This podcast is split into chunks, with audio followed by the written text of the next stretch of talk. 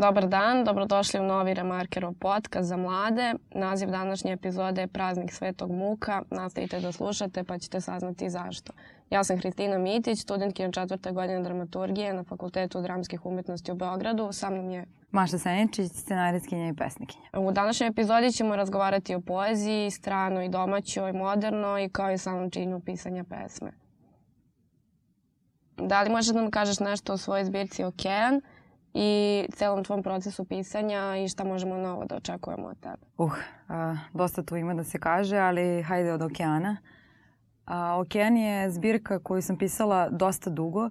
A, nastajala je u proteklih a, ne znam koliko godina. Zaista čini mi se od trenutka kad sam počela da pišem malo um, promišljenije, ta zbirka je dobijala neku formu i onda sam se prijavila na taj konkurs za neobjavljeni rukopis autora do 31 godine i dobila tu nagradu Mladi Dis.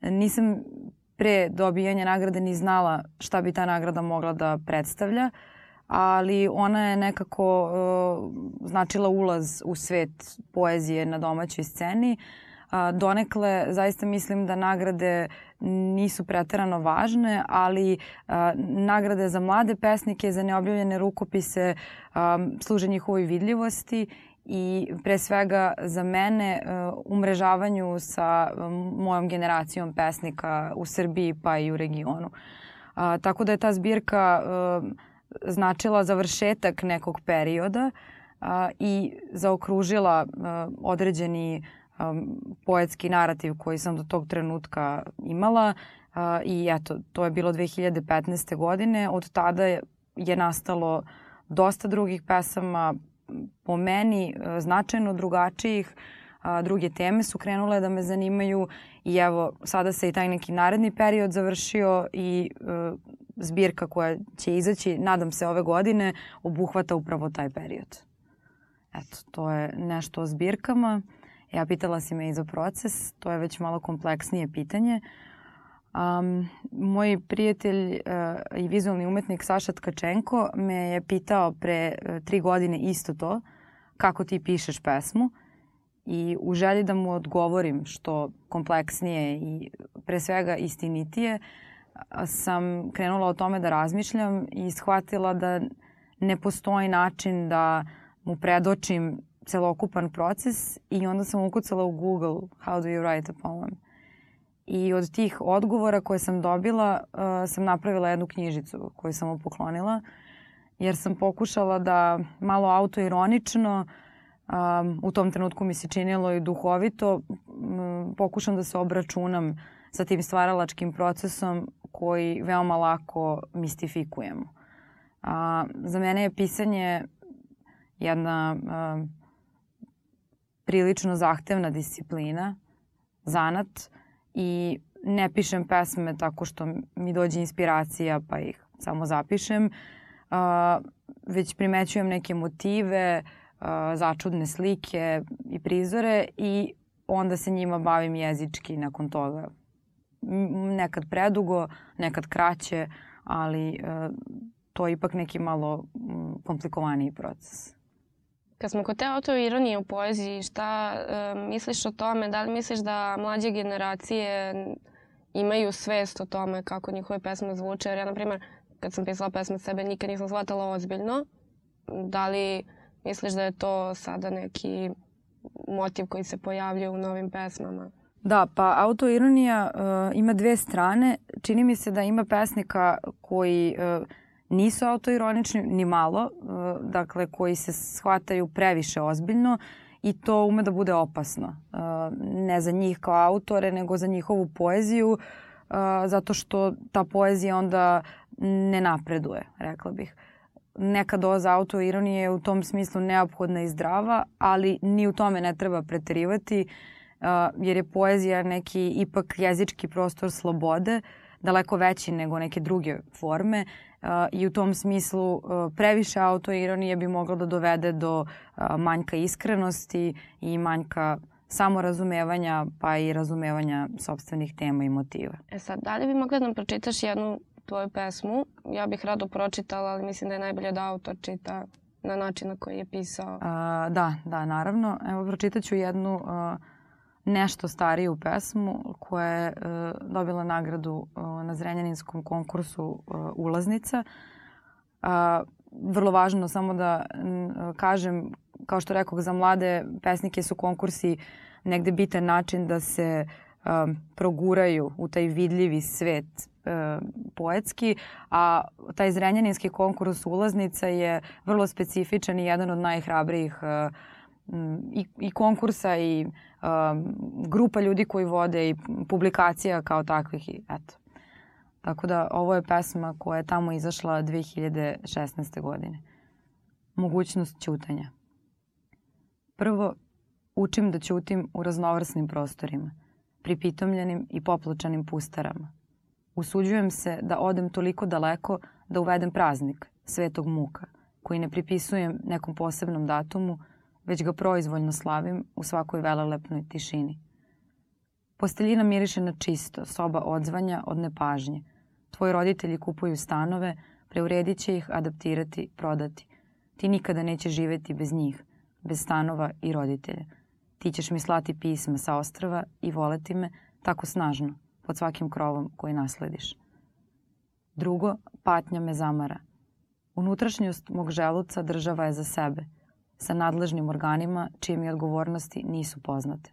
Nemir me je tiho i predano odgojio, nakon što su moji roditelji poverovali da su me vaspitali u svim pravcima.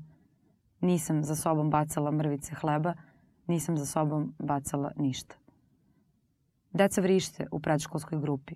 Vaspitačice planiraju odmor, mesecima unapred uplaćuju aranžmane. Koluti prašine im kroz prozor padaju na lokne. Čistim tvoj stan iz dosade. Mi nećemo imati tu preglasnu decu i nećemo se voleti zauvek poput drugih ljudi koji na letovanju lako odaberu mesto za večeru. I još nešto. Reći ćeš da pesma nije ćutanje, ali mogla bi da bude ukoliko je niko nikada ne pročita. Lenjost me zamara. Nebo se naginje, mašina za veš usporava, u njoj prljave stvari menjaju mesta sa mesom za nedeljni ručak. Glasovi su u obdaništu zamrli. Predveče se ovuda smucaju samo tuđi prijatelji. Volećeš me uvek isto, kao što se vole ukrasne biljke. Pažljivo kada si u blizini i prestravljeno kada nisi tu. Ukoliko je niko nikada ne pročita naglas. Hvala Mašo. Ovo je meni jedno od omiljenih. Uh, ono što sam tada te pitam je uh, mnogo jedno čudno pitanje, ali kada napišeš ovakvu pesmu koja nekako objašnjava ceo taj um, to tvoje viđenje na, na tu vezu i na sve to što se desilo, da li nekako posle kada treba to da kažeš, ostaneš bez reči? Um, da, To je zanimljivo pitanje, ali čini mi se da tu dolazimo do toga šta je inicijalno uh, razlog, odnosno šta je neka motivacija za pisanje. Uh, kod mene je to trenutno, ako bih to tako mogla da nazovem, uh, neka uh, potreba za dubljom analizom sobstvenih osjećanja, neki uh, strukturalistički odnos prema uh, nekim odnosima koje imam. Uh, zato što kada sam nesigurna u to što osjećam ili u to što želim da kažem, imam potrebu da to i razložim. I poezija je neki način na koji mogu ritmički, jezički, slojevito da razložim ono kako se osjećam. Kada to uradim, a, mogu lakše o tome i da govorim. Mislim da je poezija možda samo prvi korak ka razumevanju toga šta do tog trenutka nije bilo uh, jezički uh, oformljeno. Da li onda možda preporučuješ pisanje poezije ili neke vrste poezije mladima koji imaju problem sa komunikacijom, pošto kad sam rešala neku anketu, došla sam do saznanja da mnogi ljudi ne vole da pričaju, da ne vole da pričaju preko telefona, da ne vole uopšte da razgovaraju, nego samo poruke. Čak bila je jedan zanimljivi odgovor jedne devojke koja je rekla da je namerno pokvarila mikrofon na telefonu da bi imala izgovor da kaže ne zove me, piši poruku. Da, uh, čitala sam i ja neka razne istraživanja o tome i ne samo o tome da ljudi odbijaju da pričaju telefonom, već i da se više komuniciraju uh, emotikonima, što tehnički dakle nije upotreba jezika, iako bi o tome mogli da diskutujemo, ali to je već neka druga tema. Uh, da, preporučila bih pisanje, ali ne nužno poezije. Mislim da pokušaj da u jeziku koji koristiš svakodnevno za neke veoma banalne stvari, koje ne moraju opet biti i bezazlene, ali da u tom istom jeziku pronađeš vrlo precizne načine da se izraziš, može da bude oslobađajuće, ne bih se usudila baš da kažem lekovito, ali vrlo korisno u svakom slučaju. Kada smo već kod jezika, ja svaku rečenicu počinjem kada smo već, ali zapravo mi daješ dosta nekih tema o kojima možemo da razgovaramo. Baš smo pričali i pre o tome kako jezik utiče na, na poeziju i kako prevodom se gubi pravo značenje. I htela sam da te, da te pitam da li uopšte čitaš prevode pesama ili ih čitaš na originalnom jeziku i kako se nosiš sa tim kada neki jezik ne poznaš dovoljno dobro Da, pa to je nezgodno zato što želim da budem u toku sa nekom ozbiljnom scenom poetskom i savremenom, ali i sa istorijom književnosti i nisam u mogućnosti da čitam na originalnom jeziku mnogo toga što me interesuje. Naravno, to važi i za prozu, ali u poeziji je to vrlo specifično jer se čini, a to i kažu ljudi koji rade prevode poetske, da ih ispisuju ponovo kada rade prevode. Uh, svaki jezik ima svoj ritam, u poeziji je ritam neka ključna, čini mi se, gradivna jedinica i u tom smislu, da, vrlo je nezgodno čitati prevode, ali napravila sam jedan eksperiment prošle godine.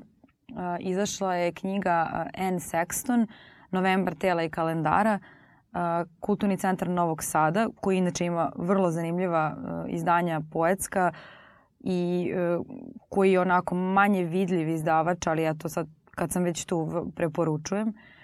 Dakle, Kulturni centar Novog Sada i Kontrast su objavili knjigu koja je neka vrsta izbora iz poezije Anne Sexton, jedna od mojih omiljenih pesnikinja. I ja sam nju pročitala na engleskom kompletna, dakle njena sabrana dela, pre toga više puta. I Čitala sam uporedo. Vlada Stojnić ako se ne varam, radio prevod. Prevod je dosta dobar, ali atmosfera je potpuno drugačija. I možda ponekad je i korisno zaista napraviti taj eksperiment, čitati uporedo prevode, bilo kakve, zato što tu se tek vidi uh, distinktivnost određenog jezika, njegova osobenost, um, trenuci u kojima jezik postaje uzbudljiv i tako dalje. Ja sam imala sreću da mi prevedu pesme na holandski. To je zanimljivo zato što ja jednostavno ne razumem ni reč holandskog i taj trenutak u kom sam uzela taj časopis, u papiru sam ga dobila od prijatelja Bojana Savića Ostojića koji je uredio taj jedan mali um, segment koji se ticao srpske savremene poezije. Dakle, doneo mi je to, ja sam otvorila stranicu, videla svoju fotografiju, ime i prezime, videla neki niz dakle, reči koje su mi poznate. Poznat mi je taj raspored, broj reči u rečenici, ali apsolutno nemam predstavu šta tu piše. I taj sudar sa sobstvenim pisanjem na nekom potpuno nepoznatom jeziku je uh, isto onako prilično zabavan. A uskoro bi trebalo i na albanski da mi budu prevedene neke pesme, pa ću videti kako um, kako, kako mi se to, to bude, da, kako to zvuči u stvari. Volila bih da mi neko pročita pre svega. Ja sam baš pronašla jednu pesmu u zbirki Ovo nije dom, uh, u kojoj je izašao, izašla jedna tvoja pesma i ta pesma je bila cela sačinjena od brojeva. Ne znam da li znaš tu pesmu. Uglavnom su napravljene kao rečenice, reči, kao što ide normalna mm -hmm. pesma. Aha, znam, sećam se. Ali su sve brojevi. Da. I to mi je bilo jako zanimljivo, pošto ta neka zamena jezika brojevima, da izgleda, da, da, da forma izgleda isto, to mi je bilo baš... Da, a ne znam da li si pokušala... začudno. da, ne znam da li si pokušala da pročitaš tu pesmu. A, jako je interesantno, zato što neminovno moraš da upotrebiš jezik da bi pročitao brojeve. Tako da je to neki dodatni možda trik ili sloj uh, u toj pesmi. Da. Sad sam se setila. Ta, ta zbirka, odnosno antologija je uh, po meni vrlo značajna zato što okuplja regionalne pesnikinje, neovisno od toga koliko su knjiga objavile, da li su ih uopšte objavile, koliko godina imaju i tako. Nema te vrste hijerarhije i u tom smislu, kad si je već pomenula, ovaj, zanimljiva knjiga za, za neki pregled scene. Tako da, osim te, ima i nekih drugih pesama koje su vrlo kratke i, i zanimljive, ali eto da. A, jezik je vrlo, vrlo veliko pitanje i mislim da ovaj, nam ceo dan ne bi bio dovoljan da, da iscrpimo šta tu sve ima da se kaže, ali kad smo pričali o tim uh, savremenim pesnicima, mladim pesnicima, ta neka uh, promena jezičke paradigme u okviru internet književnosti je takođe zanimljiva. Ovaj, ta Twitter poezija, haiku koji je doživeo ponovo neku neverovatnu slavu uh, na različitim blogovima i tako. Mislim da je i to isto negde relevantno i prenos te poezije zapravo na, na papir. To nešto što je inicijalno nastajalo digitalno. Da, upravo ovaj, o toj nekoj digitalnoj poeziji, tome svemu um, što smo isto bile pričale, ne znam koliko slušalci znaju, ali um, predavač na jednom programu u kojem sam učestvovala, Uraš Kačadinac, je napravio poeziju bota, odnosno određeni program koji je selektovao delove pesama Bajage, uh, delove Miloša Crnjanskog, koliko se sećam, i mislim da je bilo još nešto.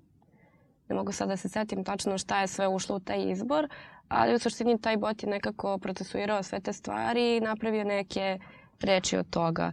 I meni je to bilo jako zanimljivo zato što mi je taj bot bio mnogo bolji pesnik od nekih pesama koje sam čitala ovako.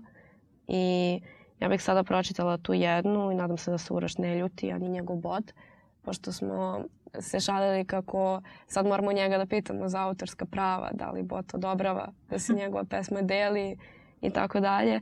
Ali evo ovo je jedna koja je nastala od Bajaginih stihova, koja je meni najdraža u stvari, koja je najviše deljena i na društvenim mrežama. Um, nevažne stvari ruše iznad ratnog ostrava, stoji otisak usana i da se smeju u lice, ti prilaziš, a napolju ljudi odlaze, ljudi su poplave.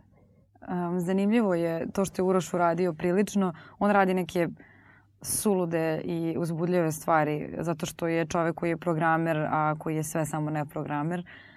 Tako da je mene taj bot oduševio i eto, jako mi je drago što se poezija tog bota našla u toj jednoj um, zbirci, odnosno tom nekom časopisu koji se zove Zima, a u kom se nalaze i pesme Albaharija, Peđe Vraneševića i tako nekih ljudi koji su uspostavljeni ozbiljni umetnici i što ne, ne postoji, negiramo tu neku hijerarhiju um, pesničku, jezičku, kako god to da nazovemo, ako stavimo bota ovaj, unutra, a sa druge strane taj bot je hranjen nekim sadržajima, nekim malo ozbiljnijim književnim, nekim malo manje ozbiljnim, tako da, eto, i to je potpuno uh, relevantan pesnik.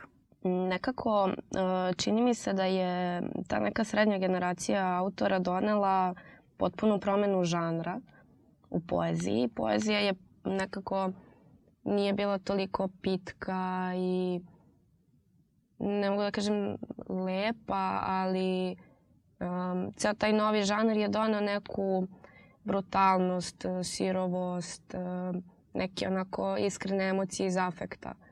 Uh, koliko ti voliš taj žanr, koliko ga podržavaš, šta misliš, koje osjećanje je budio u tebi dok si čitala te pesme, recimo Marka Tomaša, Milenu Marković, Zvonka Karanovića. Da, baš sam pre nego što si ovaj, izgovorila imena, htela da te pitam da naglasimo na šta mislimo kad kažemo ovaj, srednja generacija.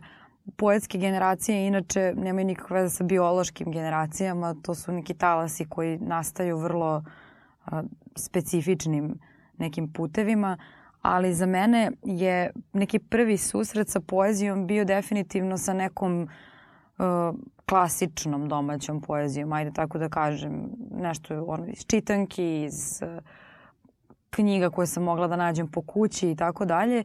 I u tom smislu je bio neka vrsta uh, iznenađenja ceo taj novi talas. Da neko sme da opsuje u pesmi, da sme tako drsko da se obračunava sa određenim temama i to mi je bilo oslobađajuće. Meni je u tom nekom tinejdžerskom periodu i malo kasnije bilo dosta značajno da vidim da i na taj način može da se piše. E sad, uh, trenutno, kada čitam tu poeziju, nije mi sva jednako uh, uzbudljiva, zato što mi se čini da lako sklizne u neku vrstu uh, baš nedostatka autoironije, ono o čemu smo pričali i ponavljanja, iako ono što mi je posebno drago jeste to što ta poezija napravila neku vrstu scene zaista. Poezija se ponovo živo čita, dolazi neverovatan broj ljudi i mladih ljudi na poetska okupljanja, a, potpisuju Pogotovo iz regiona, se, što je jako bitno. Da, i potpisuju se ti pesnici kao rok zvezde po svojim knjigama, majicama, ne znam.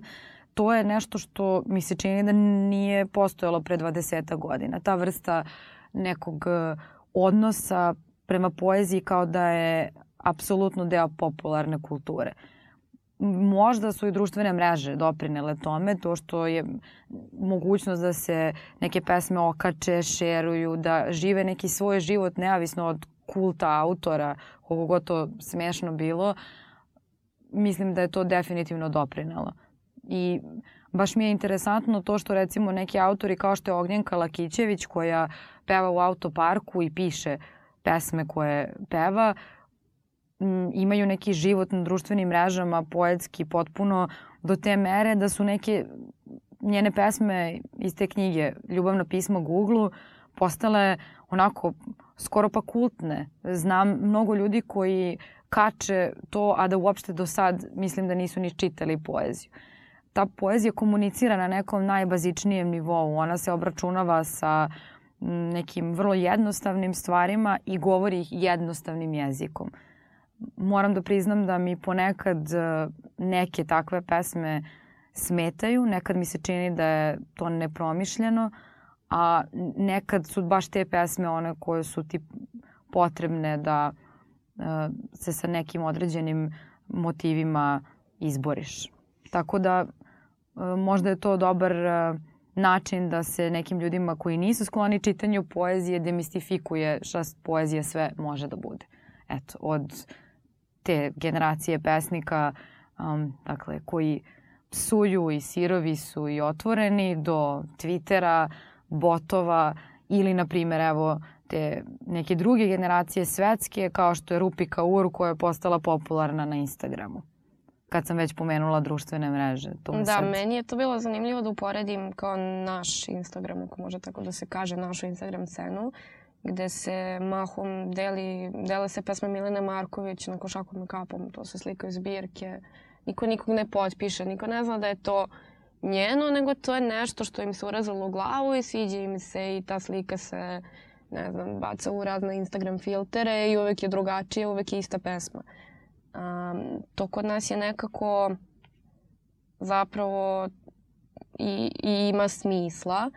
A, a za Rupi Kaur baš sam tada da te pitam šta, šta misliš o njenoj poeziji. Da li misliš da kada se neke stvari nabacuju samo ili nekako previše banalizuju do, do tančina, da li se gubi na iskrenosti koju treba da autor donese onome ko čita pesmu? Dosta je to neko trik pitanje i teško je odgovoriti da li banalizacijom nešto preterano pojednostavljujemo do te mere da se gube osjećanja ili ne. Uh, ja sam zaista oko veliki ljubitelj uh, nekih banalnih observacija i mislim da inače uopšte, mislim, na izgled banalnih, da se izrazim preciznije, mislim da nismo uopšte skloni tome da uh, posmatramo očigledne stvari.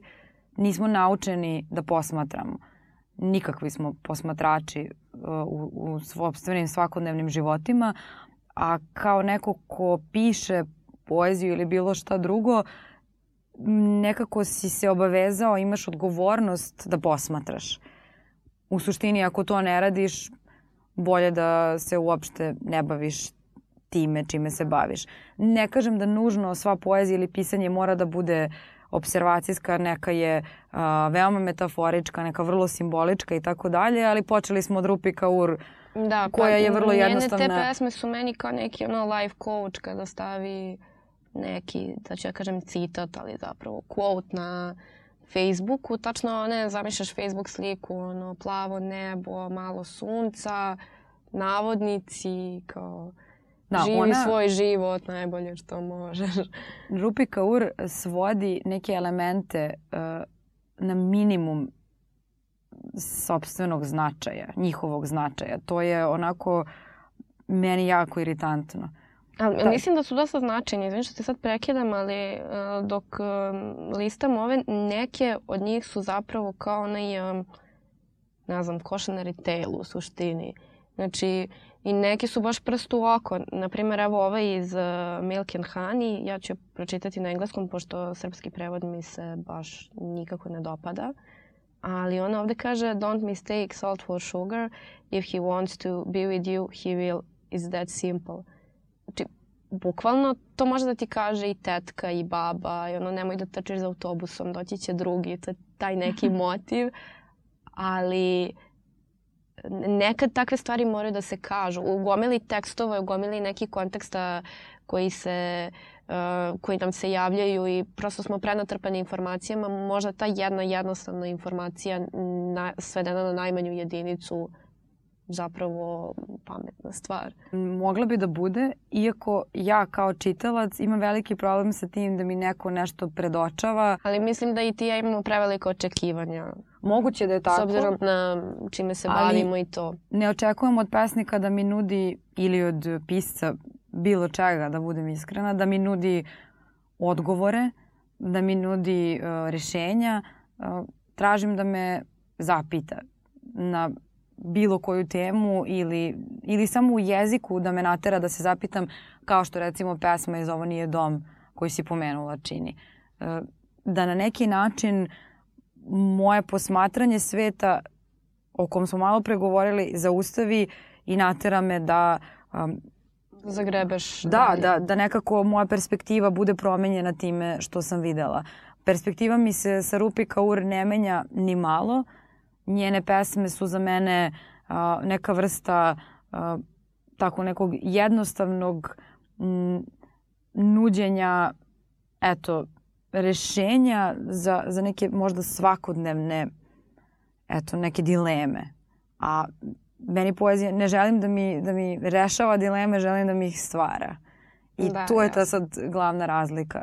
Eto. Postoji još jedna zbirka koja meni isto bila zanimljiva, koju sam izdvojila, uh, zove se If My Body Could Speak, uh, Blight Bird, čini mi se da se tako zove devojka. Uh, I uh, baš sam i tebe htela da pitam, pošto mi, na primjer, imamo taj problem i sa studiranjem dramaturgije i sve, govore nam nikad nemoj da pišeš o sebi, kao nikad nemoj da pišeš scenariju o studentu dramaturgije koji piše scenariju, nikad nemoj da pišeš dramu o studentu dramaturgije koji piše dramu ili ide na ispiti iz teorije filma. Um, njene pesme su nekako, ona se kao da se obraća samo i sebi i uvek govori meni je mama rekla, pa sad šta mi je rekla i onda na kraju ima neku catchy frazu koja te samo onako vrati pointu zašto ona sve vreme toliko piše. Da li ti je to nekako dosadno, da li je predugo da se čeka ta poenta, taj punchline koji je uvek na kraju? Da, pa ne znam, ja mislim čitala sam tu knjigu, ali na mene nije ostavila neki tako snažan utisak, iako se sećam da su različite kritike nekako apostrofirale tu neku njenu žensku osjećajnost, odnos prema sebi kao ženi i tako. Imam... Snažan utisak u, može da se tumači na razne načine. Šta, da. šta znači ja ovaj, sam naravno kao i svi ženski pesnici verovatno kad sam krenula da čitam malo ozbiljnije savremenu poeziju počela od te neke te neke uh, konfesionalne poezije uopšte ne znam kako mi to zovemo na srpskom nažalost jer sam i čitala na engleskom sve to. Anne Sexton koju sam malo prepomenula, dakle onda naravno Sylvia Plath za koju svi znamo, eto koja je takođe postala deo popularne kulture. Um, ja sam neko ko zaista nema problem sa čitanjem toliko uh, iskrenih, skoro dokumentarnih zapisa. Ali možda u nekom ovom vremenu ono, post interneta, ono, i, kad su i blogovi zamrli, kada na društvenim mrežama stvarno ne, ne prezamo od toga da delimo apsolutno sve o sebi, možda takva vrsta poezije m, više polaže na to što je dakle dokumentarna, ispovedna, a manje na to ponovo se vraćam na jezik, dakle manje na to šta ona jezički jeste. I kada to osetim, to zna baš da me razljuti. Zato što se onda pitam kako uopšte možemo da znamo uh, koga možemo smatrati pesnikom ili koga želimo ili treba da smatramo pesnikom. Ovaj, a kako nekoga ko samo eto, želi da deli neke informacije o sebi. I eto, lupa enter na odgovarajućim mestima. E, upravo, upravo ta enter poezija te neko rekao ovaj, kad ne znaš šta ćeš ti lupi enter samo. Ali mislim da ima mnogo više od toga zapravo i meni je uvek bila jedna od najzanimljivih stilskih figura opkoračenje. I uh, baš sam htjela i sa tobom da pričam o tome kako prelazak u novi red može da odmah promeni značenje celoj toj rečenici kada ima smisla naravno, kada se opkoračenje koristi onako kako bi trebalo ne samo lupanje mentera, nego nekim, ba, baš u svrhu tog promene značenja ili čisto samo promene fokusa, mm -hmm. restartovanja na, na novi red. Da. To opet ima veze sa ritmom. Koliko god jezik činio poeziju, rekla sam malo pre da mislim da je ritam apsolutno najznačajnija stvar. Zbog toga je i značajno ponekad da se čuje kako pesnici čitaju sobstvenu poeziju. Malo pre kada sam pročitala ovu pesmu shvatila sam da mi je njen ritam postao malo dalek. I to je zanimljivo. Nije, nije mi postala tema daleka. Postao mi je ritam kroz koji sam je pisala. Moje nove pesme imaju mnogo duže rečenice a, i upravo mislim da je razlika u, a, u ritmu ono što možda može da se ne znam, nazove nekim, vr, nekom vrstom um, napredovanja u, u različitim poetikama određenih autora koje ja pratim. E sad što se tiče tog a, famoznog entera, ja se trudim da dosta dobro promislim gde je kraj jedne misli, stiha i tako dalje, ali to je neka vrsta i diktata kako čitati onome ko čita, ko konzumira tu poeziju. I dosta je korisno sve što se čita, čitati ponekad i naglas, prvenstveno zato što kažem, je stvar ritma i u tom smislu te neke kratke, kako bih rekla, mudrosti, kao što su te od Rupika Ur ili nekih tih drugih haiku pesnika, ponekad se obesmišljavaju baš zato što nema prostora uopšte da se razvije taj ritam u njima. Tako da, da, dosta je ovaj, stilska figura ili ne, dosta je značajno to da se sam sa sobom preispitaš šta hoćeš da kažeš, jer tek tada možeš da znaš gde staješ, a gde krećeš ponovo. Se vratimo samo još jednom na zbirku Ovo nije dom još nekoliko zanimljivih pesama koje sam ja pronašla. Um, Ivana Percala i Snežana Žabić su ih pisale. I meni je to nekako bilo baš onako veliki throwback i nekako sam se tu prepoznala. Tu mi je tačno bilo jasno čemu pričaju i sve. Uh, samo da, da uputim uh, ljude koji slušaju. U suštini um, pesma počinje sa namirnicama koje ti trebaju da napraviš određenu, određeno jelo i onda imaš i dole kao neki opis. Ne bih sad da čitam pesmu, žela bih da kogod da sluša pokupi ovo nije dom i da jednostavno sve to pročita. ali e, nekoliko tih pesma mi je bilo baš zanimljivo i omiljena mi je rečenica na kraju kada ovaj, sad se objašnjava gde, koliko se šta sprema, gde ide ulje onda kaže jebi ga, ne mreš sve.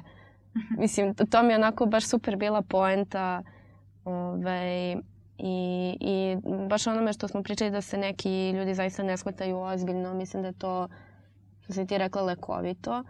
Ja se sećam jedne svoje pesme. Ja sam imala blog inače pre. Svi smo imali blog. ugasila sam ga. Da, ali ovo je bilo, ja, ja sam ona generacija i posle MySpace-a i Twitter se na mene primio, ali kao neki dnevnik je bio. I onda je tu bilo ono vlažno ime, slika, da se ne vidiš i kao onda pišeš tu neke. Tu sam isto objavljivala pesme, posle toga sam obrisala Twitter naravno, a taj blog sam obrisala tek skoro iz neke nostalgije, iako nisam nešto baš ne ponosim se tim pesama, pesmama. Sećam se jedne koja je išla um, kao ja sad tu nešto pišem, nešto iz nekog onako besa neke agresije potpune i onda ide na kraju a, moje pesme su kao spisak za kupovinu, ti nisi kao dobro vino, kako stariš sve si gori, oklembešen ružan i podbuo. I meni je to tad bilo tako nekako a, nekako si svestan onoga što pišeš i svestan si na šta to liči, kako to izgleda i prosto osjećaš se bolje kada to i napišeš na kraju. Da, pa demistifikacija je moj omiljeni proces. Ovako, i u pisanju, ali i svakodnevno. A čini mi se da su spiskovi dosta poetični. Zašto ne bi bili? Ja, Meni je to omiljena vrsta ovaj, mislim da je... stvari, svega, formata nekog. Od spiska može da se napravi svašta. Da, a i važno je nalaziti poeziju tamo gde joj nije inicijalno mesto. Dakle, ne samo u knjigama ili na blogovima i tako dalje, već poetski negde pokušati da definišeš i neke strukture jezičke koje ti je rečeno da su informativne ili samo dokumentarne i tako dalje. Mi moramo sada da završimo razgovor. Ja bih mogla o poeziji i jeziku još tri dana. Verujem da bi ti isto. Uh, ja samo želim da napomenem da Mašu možete naći na internetu njene tekstove, njene pesme, uh, before after site, uh, možete gledati selekciju njenih filmova na Fafu, selekcija se zove Hrabri Balkan, možete naći u časopisu Zent koji izdaje Nova Iskra, u Milica magazinu, u pesmi Bojane Vunturišević Noćni program, to isto Maša pisala. Da, na raznim mestima, ali eto sad Google pomaže u tome Slušate da se svi je, a da i ne, ni ne znate. Da. Hvala, Kristina. Hvala, Maša.